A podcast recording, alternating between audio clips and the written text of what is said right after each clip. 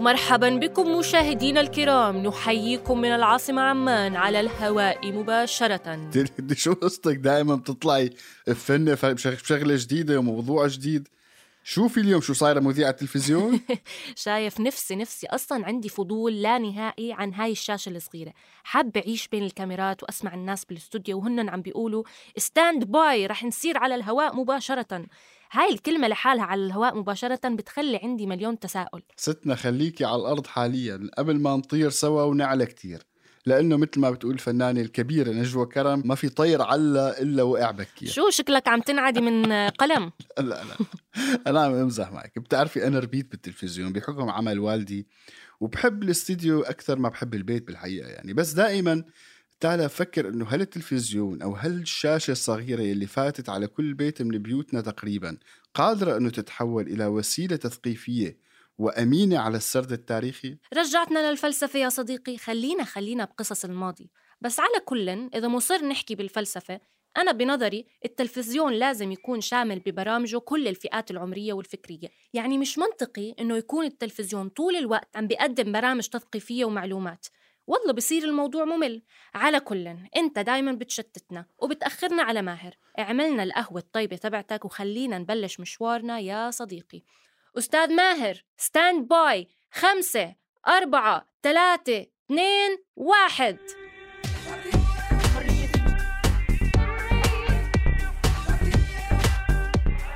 أنا عروة. وأنا تالا. بنقدم لكم بودكاست حرر من إنتاج صوت. صحفي وصحفية في رحلة بحث. أنا أستاذ قلم سأكون معكم رغما عن تالا وعروة. يا سلام عن جد قهوتك زاكية يا عروة. على كل حال خلينا نرجع لموضوعنا أنا وإنت وماهر ثالثنا. تالا إذا حكينا عن الكاميرات قبل ما نحكي عن التلفزيون بحس إنه الشخص لما بيوقف قدام الكاميرا بيتغير كلياً. يعني خصوصا لما بتنزل الكاميرات على الشوارع وبتعمل ريبورتاجات مثلا بتلاقي الأشخاص اختلفوا يعني صاروا كثير دقيقين في الكلام مزبوط. آه، في أبهى حالاتهم يعني. بس خلينا نرجع لموضوع التلفزيون. بظن الأردن عنده تجربة كثير خاصة يعني مع هي الشاشة الصغيرة لعدة أسباب. أولها موقعه الجغرافي اللي أتاح لبعض السكان إنه يلتقطوا إشارة البث التلفزيوني للدول العربية المجاورة. هذا طبعا قبل ما يدخل التلفزيون الرسمي على الأردن بالستينيات. مع أنه بتعرف دائما لما نحكي عن التلفزيون نتذكر أول شيء مصر أو لبنان لأنهم دولتين عندهم خبرة طويلة في المجال. بالأساس أصلا إحنا تعلمنا اللهجة المصرية من التلفزيون. بس كمان آه، خصوصية الأردن ما بتتعلق بس بموقعها الجغرافي آه، ولكن أيضا يعني بآخر عشر سنين عم نشوف إنه في قنوات كتيرة محلية عم تطلع آه، مثل الأردن اليوم المملكة تلفزيون عمان رؤية إلى آخره.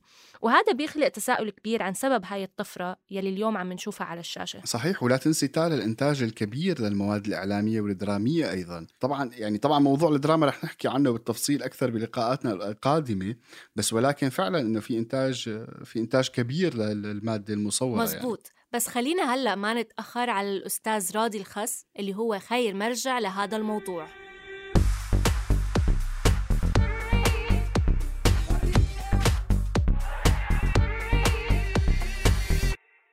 وهلأ صار معنا السيد راضي الخس المدير التنفيذي للمدينة الإعلامية الأردنية. صباح الخير سيد راضي صباح الخير أهلا. صباح الخير. إحنا صباح الخير. إحنا مبسوطين كثير إنك اليوم رح تكون معنا وأنا شخصيا يعني بيعني لي هذا الإشي كثير علشان يعني طول عمري من وأنا وصغيرة كنت بحلم إني أكون موجودة بال 1968 يعني هاي اللحظة بحسها تاريخية بتاريخ الإعلام الأردني. فحابة أسمع منك عن هاي اللحظة لحظة آه، يعني آه، خلينا نحكي بدء بث التلفزيون في الأردن. آه خليني أبدأ لك بس بالفترة اللي قبل افتتاح التلفزيون. يعني أول الجمهور الأردني كان بحب يتفرج على التلفزيون وكان إذا بهذاك الوقت في عمان معظم البيوت والعمارات كان كل عمارة عندها برج وموجه يا إما لسوريا أو موجه لمصر آه، أو للسعودية مشان يلتقطوا التلفزيون المصري أو السعودي أو السوري. فكانوا الناس متشوقين إنهم يشوفوا إشي قدامهم ويتسلوا فيه. التلفزيون كان في فريق أردني من مهندسين كلهم عم بتدربوا على على التلفزيون على البث على الإضاءة على الصوت على التسجيل إلى آخره. وبنفس الوقت كان في فريق إنجليزي من شركة ماركوني بالبداية يلي هو ركب الأجهزة وكنا نتعاون معه نحن كمهندسين ونتعلم منهم بالحقيقة. وفي كان فريق أمريكاني شركة أمريكية كانت جاية حتى تدرب المهندسين والبرامجيين الأردنيين. فكانت هي عبارة عن يعني قبل بداية البث كان في تجارب كتير نحاول نسجل ونمحي والمذيعين يتدربوا على الإذاعة على على التلفزة. فكان كان التلفزيون عمل بالتلفزيون هو عبارة عن آه، والدتي كانت تقول لي أنت صرت تشتغل في كباريه بتطلع لي الصبح ما بترجع ف فعلا. وكنا كلنا يعني هذا قبل قبل الافتتاح بثلاث أربع أيام إجانا فريق لبناني لأنه التلفزيون اللبناني كان اوريدي شغال صار له سنتين ثلاثة. فجاء المخرج كان وكم من واحد للبث حتى يساعدونا في آه، إنتاج أول يوم اللي كان بس عبارة عن ثلاث أربع ساعات بث من الساعة أظني خمسة للساعة تسعة هيك شيء أول وكان كله مسجل طبعا مو على الهواء مباشرة. آه، آه، على الهواء مباشرة هي الأخبار الأخبار هي بس المذيع اللي على الهواء. وكان محضرين أخبار مسجلة كمان قبل بوقت سويناها. في حالة إنه صار خطأ مشان يطلع البرنامج. وفعلا لما خلصنا يمكن على الثمانية سوينا حفلة كبيرة ضخمة مدير التلفزيون الله يرحمه محمد كمال والمهندسين والمذيعين والكل هال وبتذكر سوينا تمثيلية قبل بيوم اسمها الإعدام كان يمثل فيها المرحوم نبيل المشيني. ونبيل صوالحة هذه أول تمثيلية كانت عبارة عن عشرين دقيقة إنتاج التلفزيون الأردني وفي استوديو واحد كان عندنا التلفزيون الأردني.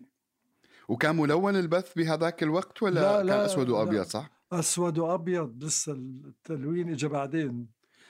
طيب لو لو بدي ننتقل سوا لبعد هي المرحلة أستاذ راضي يعني كيف كيف ممكن هلأ بالوقت الحالي أو حتى بالسنين السابقة كيف ممكن نفهم استهلاك المواطن الأردني للتلفزة مقارنة باستهلاكه للصحف والإذاعات يعني؟ وخصوصا يعني بعد بعد الانتقال لمرحله آه، البث الفضائي. آه، التلفزيون اجى وهو كان يعني الناس يشوف آه، زي ما يقولوا لما نفتح الساعة خمسة أو الساعة أربعة يكون التلفزيون مفتوح وما بيسكروه إلا يطلع الوش هذا يقولوا يعني نحن نطفي الإشارة. الكلر بار تبعه بيطلع. إيه الكونسبشن استهلاكه كان استهلاك عالي. نحن بنحكي إنه هذا التلفزيون 68 بدأنا نبث في شهر أربعة. سنة ال 72 تحو... بدينا قناة ثانية في الأردن. والقناة الثانية هي قناة أجنبية وخصوصا كان فيها أخبار بالعربي آه، بالإنجليزي وبالفرنسي وفي العبري القناة الثانية. فكانت هي موجهة لل للإسرائيليين الموجودين في فلسطين المحتلة وموجهة لكل الأجانب والسفارات اللي آه، موجودة في الأردن وفي آه، المناطق المحيطة. وكان لنا هدف سياسي يعني كنا نحط فيها برامج حوارية سياسية تشرح شو الأردن ووجهة نظر الأردن من ناحية. وكانت يعني نافذة للضفة الغربية حتى آه، مشديان أظني. حكى قال إنه أنا أحسن قناة عندي هذه الحكي بالستينات يعني. كانت القناة بالسبعينات كانت قناة الأردن الثانية. آه، هون يمكن كمان بنتقل آه، لملاحظتي اللي هي مثلا تقريبا ممكن أنت تصححني بس أتوقع يعني ابتداء من عشر سنين لورا تقريبا أنا بحس إنه صار في طفرة تلفزيونية في الأردن صار في آه، قنوات خاصة كتير في الأردن. آه، حابين نفهم أكتر منك يعني شو تحليلك لهاي الطفرة يعني أو لهاي هذا التزايد السريع؟ هو أولا حتى تأسسي قناة وتطلعي على الفضاء صار غير مكلف نسبيا. ثاني إشي ال IT ال IT وعلم الكمبيوتر دخل في ال broadcast وصار كل شيء IT. وال IT غير مكلف زي ال broadcast كان. فمشان هيك صار يعني واحد عنده ميزانية مئة ألف دينار يقول له خليني أسوي قناة. هو السؤال إنه القوانين في الأردن يعني كانت ميسرة لأمور ال- افتتاح القنوات. قوانين في الأردن يعني في بداية ال- بالتسعينات كان ممنوع لأي شخص غير الحكومة يقدر يبث لل satellite لأن كل الدول العربية كان ما في. الإعلام حكر على الدولة. بعد التسعين صار ال deregulation هو ال- القوانين بدأت تتغير لمص- للمصلحة العامة ولغوا وزارة الإعلام بالأردن بال 2001 2002 وبدأ هيئة الإعلام يلي هي الريجوليتر أو الشخص الذي يتحكم في الرخص البث للقطاع العام والقطاع الخاص في داخل الأردن.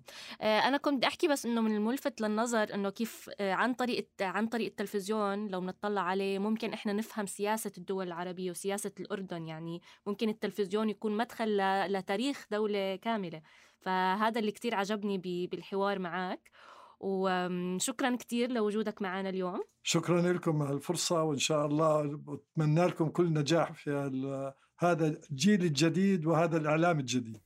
أشكرك أشكرك أستاذ راضي. والله كان ممتع الحوار وأتمنى عليك. كل التوفيق لل- للمؤسسة الإعلامية في الأردن. شكرا أخي شكرا.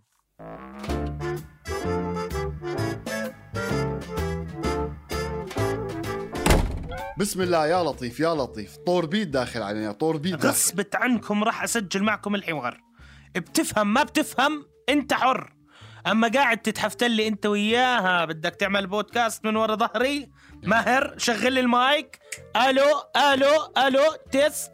بدك تشارك؟ غصبت عنكم. طيب طيب. هات لشوف شو رأيك بالتلفزيون يا صحفينا؟ ول ول ول التلفزيون من الدنيا الصبح يا زلمة. هات لك منقوشة. يعني كاسه آه، شاي هيك أغنية صباحية يا قلم لفيروز. يا قلم قلم شو رأيك بالتلفزيون ونقطة على لا السطر؟ حول ولا قوة إلا بالله. طيب ماشي ماشي. قلم سيشارك. قلم ال الكل يستعد. قلم راح يشارك. طيب. استعدينا. التلفزيون. التلفزيون أنا من وجهة نظري كمثقف يعني يحتسي القهوة بشوف أنه التلفزيون بيقدم ثقافة ضحلة وخالية من العمق المعرفي. آه، التلفزيون وسيلة يعني دفعت البشرية نحو الخمول وانعدام الخيال. نقطة. يعني قصدك يا قلم إنك تقول اللي بيشاهدوا التلفزيون مسيرين ومغلوب على أمرهم. تعرف كلامك بذكرني بهاي الصورة اللي بتمثل مشاهدين التلفزيون وكأنهم قطيع من الغنم مغسول دماغهم باللي عم يحضروه. مش مزبوط هالحكي يا أخي. معك معك حق تالا. لأنه التلفزيون بطل حقيقة يص... يعني يكون حكر لجهة واحدة. صار في تنافس بين الفضائيات. بيتيح المجال لجهات متعددة تعكس رأيها. فمثلا لما بتسعى مؤسسة إعلامية معينة إنها تأثر على جمهور رح تقوم مؤسسة ثانية منافسة لإلها بعرض النقيض. وهيك بصير المشاهد قادر على نسف الفكرة اللي ما بتعجبه. يا عمي بس! لسه انت وياها نازلين. قر قر قر قر قر قر قر. طول لي بالك يا عمي شوي. ما إحنا كلنا صحفيين وقابزينه وعاجنينه سوا أنا مو ضد التلفزيون يا عمي. بس أنا ما بحب السكاعة والمياعة وشوية طبطب ودلع وشوي من سيربح المليون ومن سيخسر قلم يا النص مليون. قلم أنا عن جد بستغرب منك قديش عندك ولاء للجريدة. متحيز يا أخي متحيز للجريدة أنت. طبعا. أنا بشوف إنه الجرائد بتعطي دائما قيمة للقارئ. كل الجرائد والمجلات يا كلها سيدي يعني؟ كل الجرائد والمجلات. وهو بديش أكمل معكم النقاش. والله ما أنا مستغرب من ماهر قفل لي المايك ماهر سكر لي المايك. رجاء سكر المايك. استهدي بالله يا قلم يا قلم احكي معنا. عم بسألك سؤال كل الجرائد والمجلات؟ طب شو رأيك مجلة ليالينا مثلا؟ هاي المجلة تثقيفية لا إلا ليالينا. لو سمحتي يعني أرجوك تالا لا تستهيني بهي المجلة فهي أكيد تثقيفية. يا قلم إمتى بدك تفهم إنه التعميم دائما بيعمل مشاكل؟ التلفزيون فيه الترفيه وفيه الأخبار وفيه البرامج الحوارية وفيه من سيربح المليون ونور مهند. يعني بالمختصر هو عالم متنوع. ما بتقدر تحصره بقالب واحد هو وسيلة مثله مثل الصحافة المكتوبة اللي برضه بتشكل عالم متنوع. وانتبه إنه هي الوسيلة الأسرع انتشارا ودخولا إلى كل المجتمعات. يا عمي خلص بديش أنا ألعب معكم. بدي بديش أشارك. أنا خلص سكرون لها الدكانه وسكر لها الطابق. يلا ننزل ناكل كنافه يلا ما بديش ألعب أنا. دكانة ولعب أنت بتفكرنا نلعب يا قلم. اللهم لا نسألك رد القضاء ولكن نسألك اللطف فيه. شرفوا شرفوا أنت شو وياه. بس لحظة إيش آخر ج... قصيدة عالي، حكيتيها؟ قالت إنه الكنافة طيبة. خلص خل... خلونا نمشي. يلا ونسكر على هالحوار. ماهر راح يعصب علينا. تفضلوا. كنا معكم من الإعداد والتقديم عروة عيادة وتالا العيسى من الأداء الصوتي مؤيد حداد ومن الهندسة الصوتية ماهر الملاخ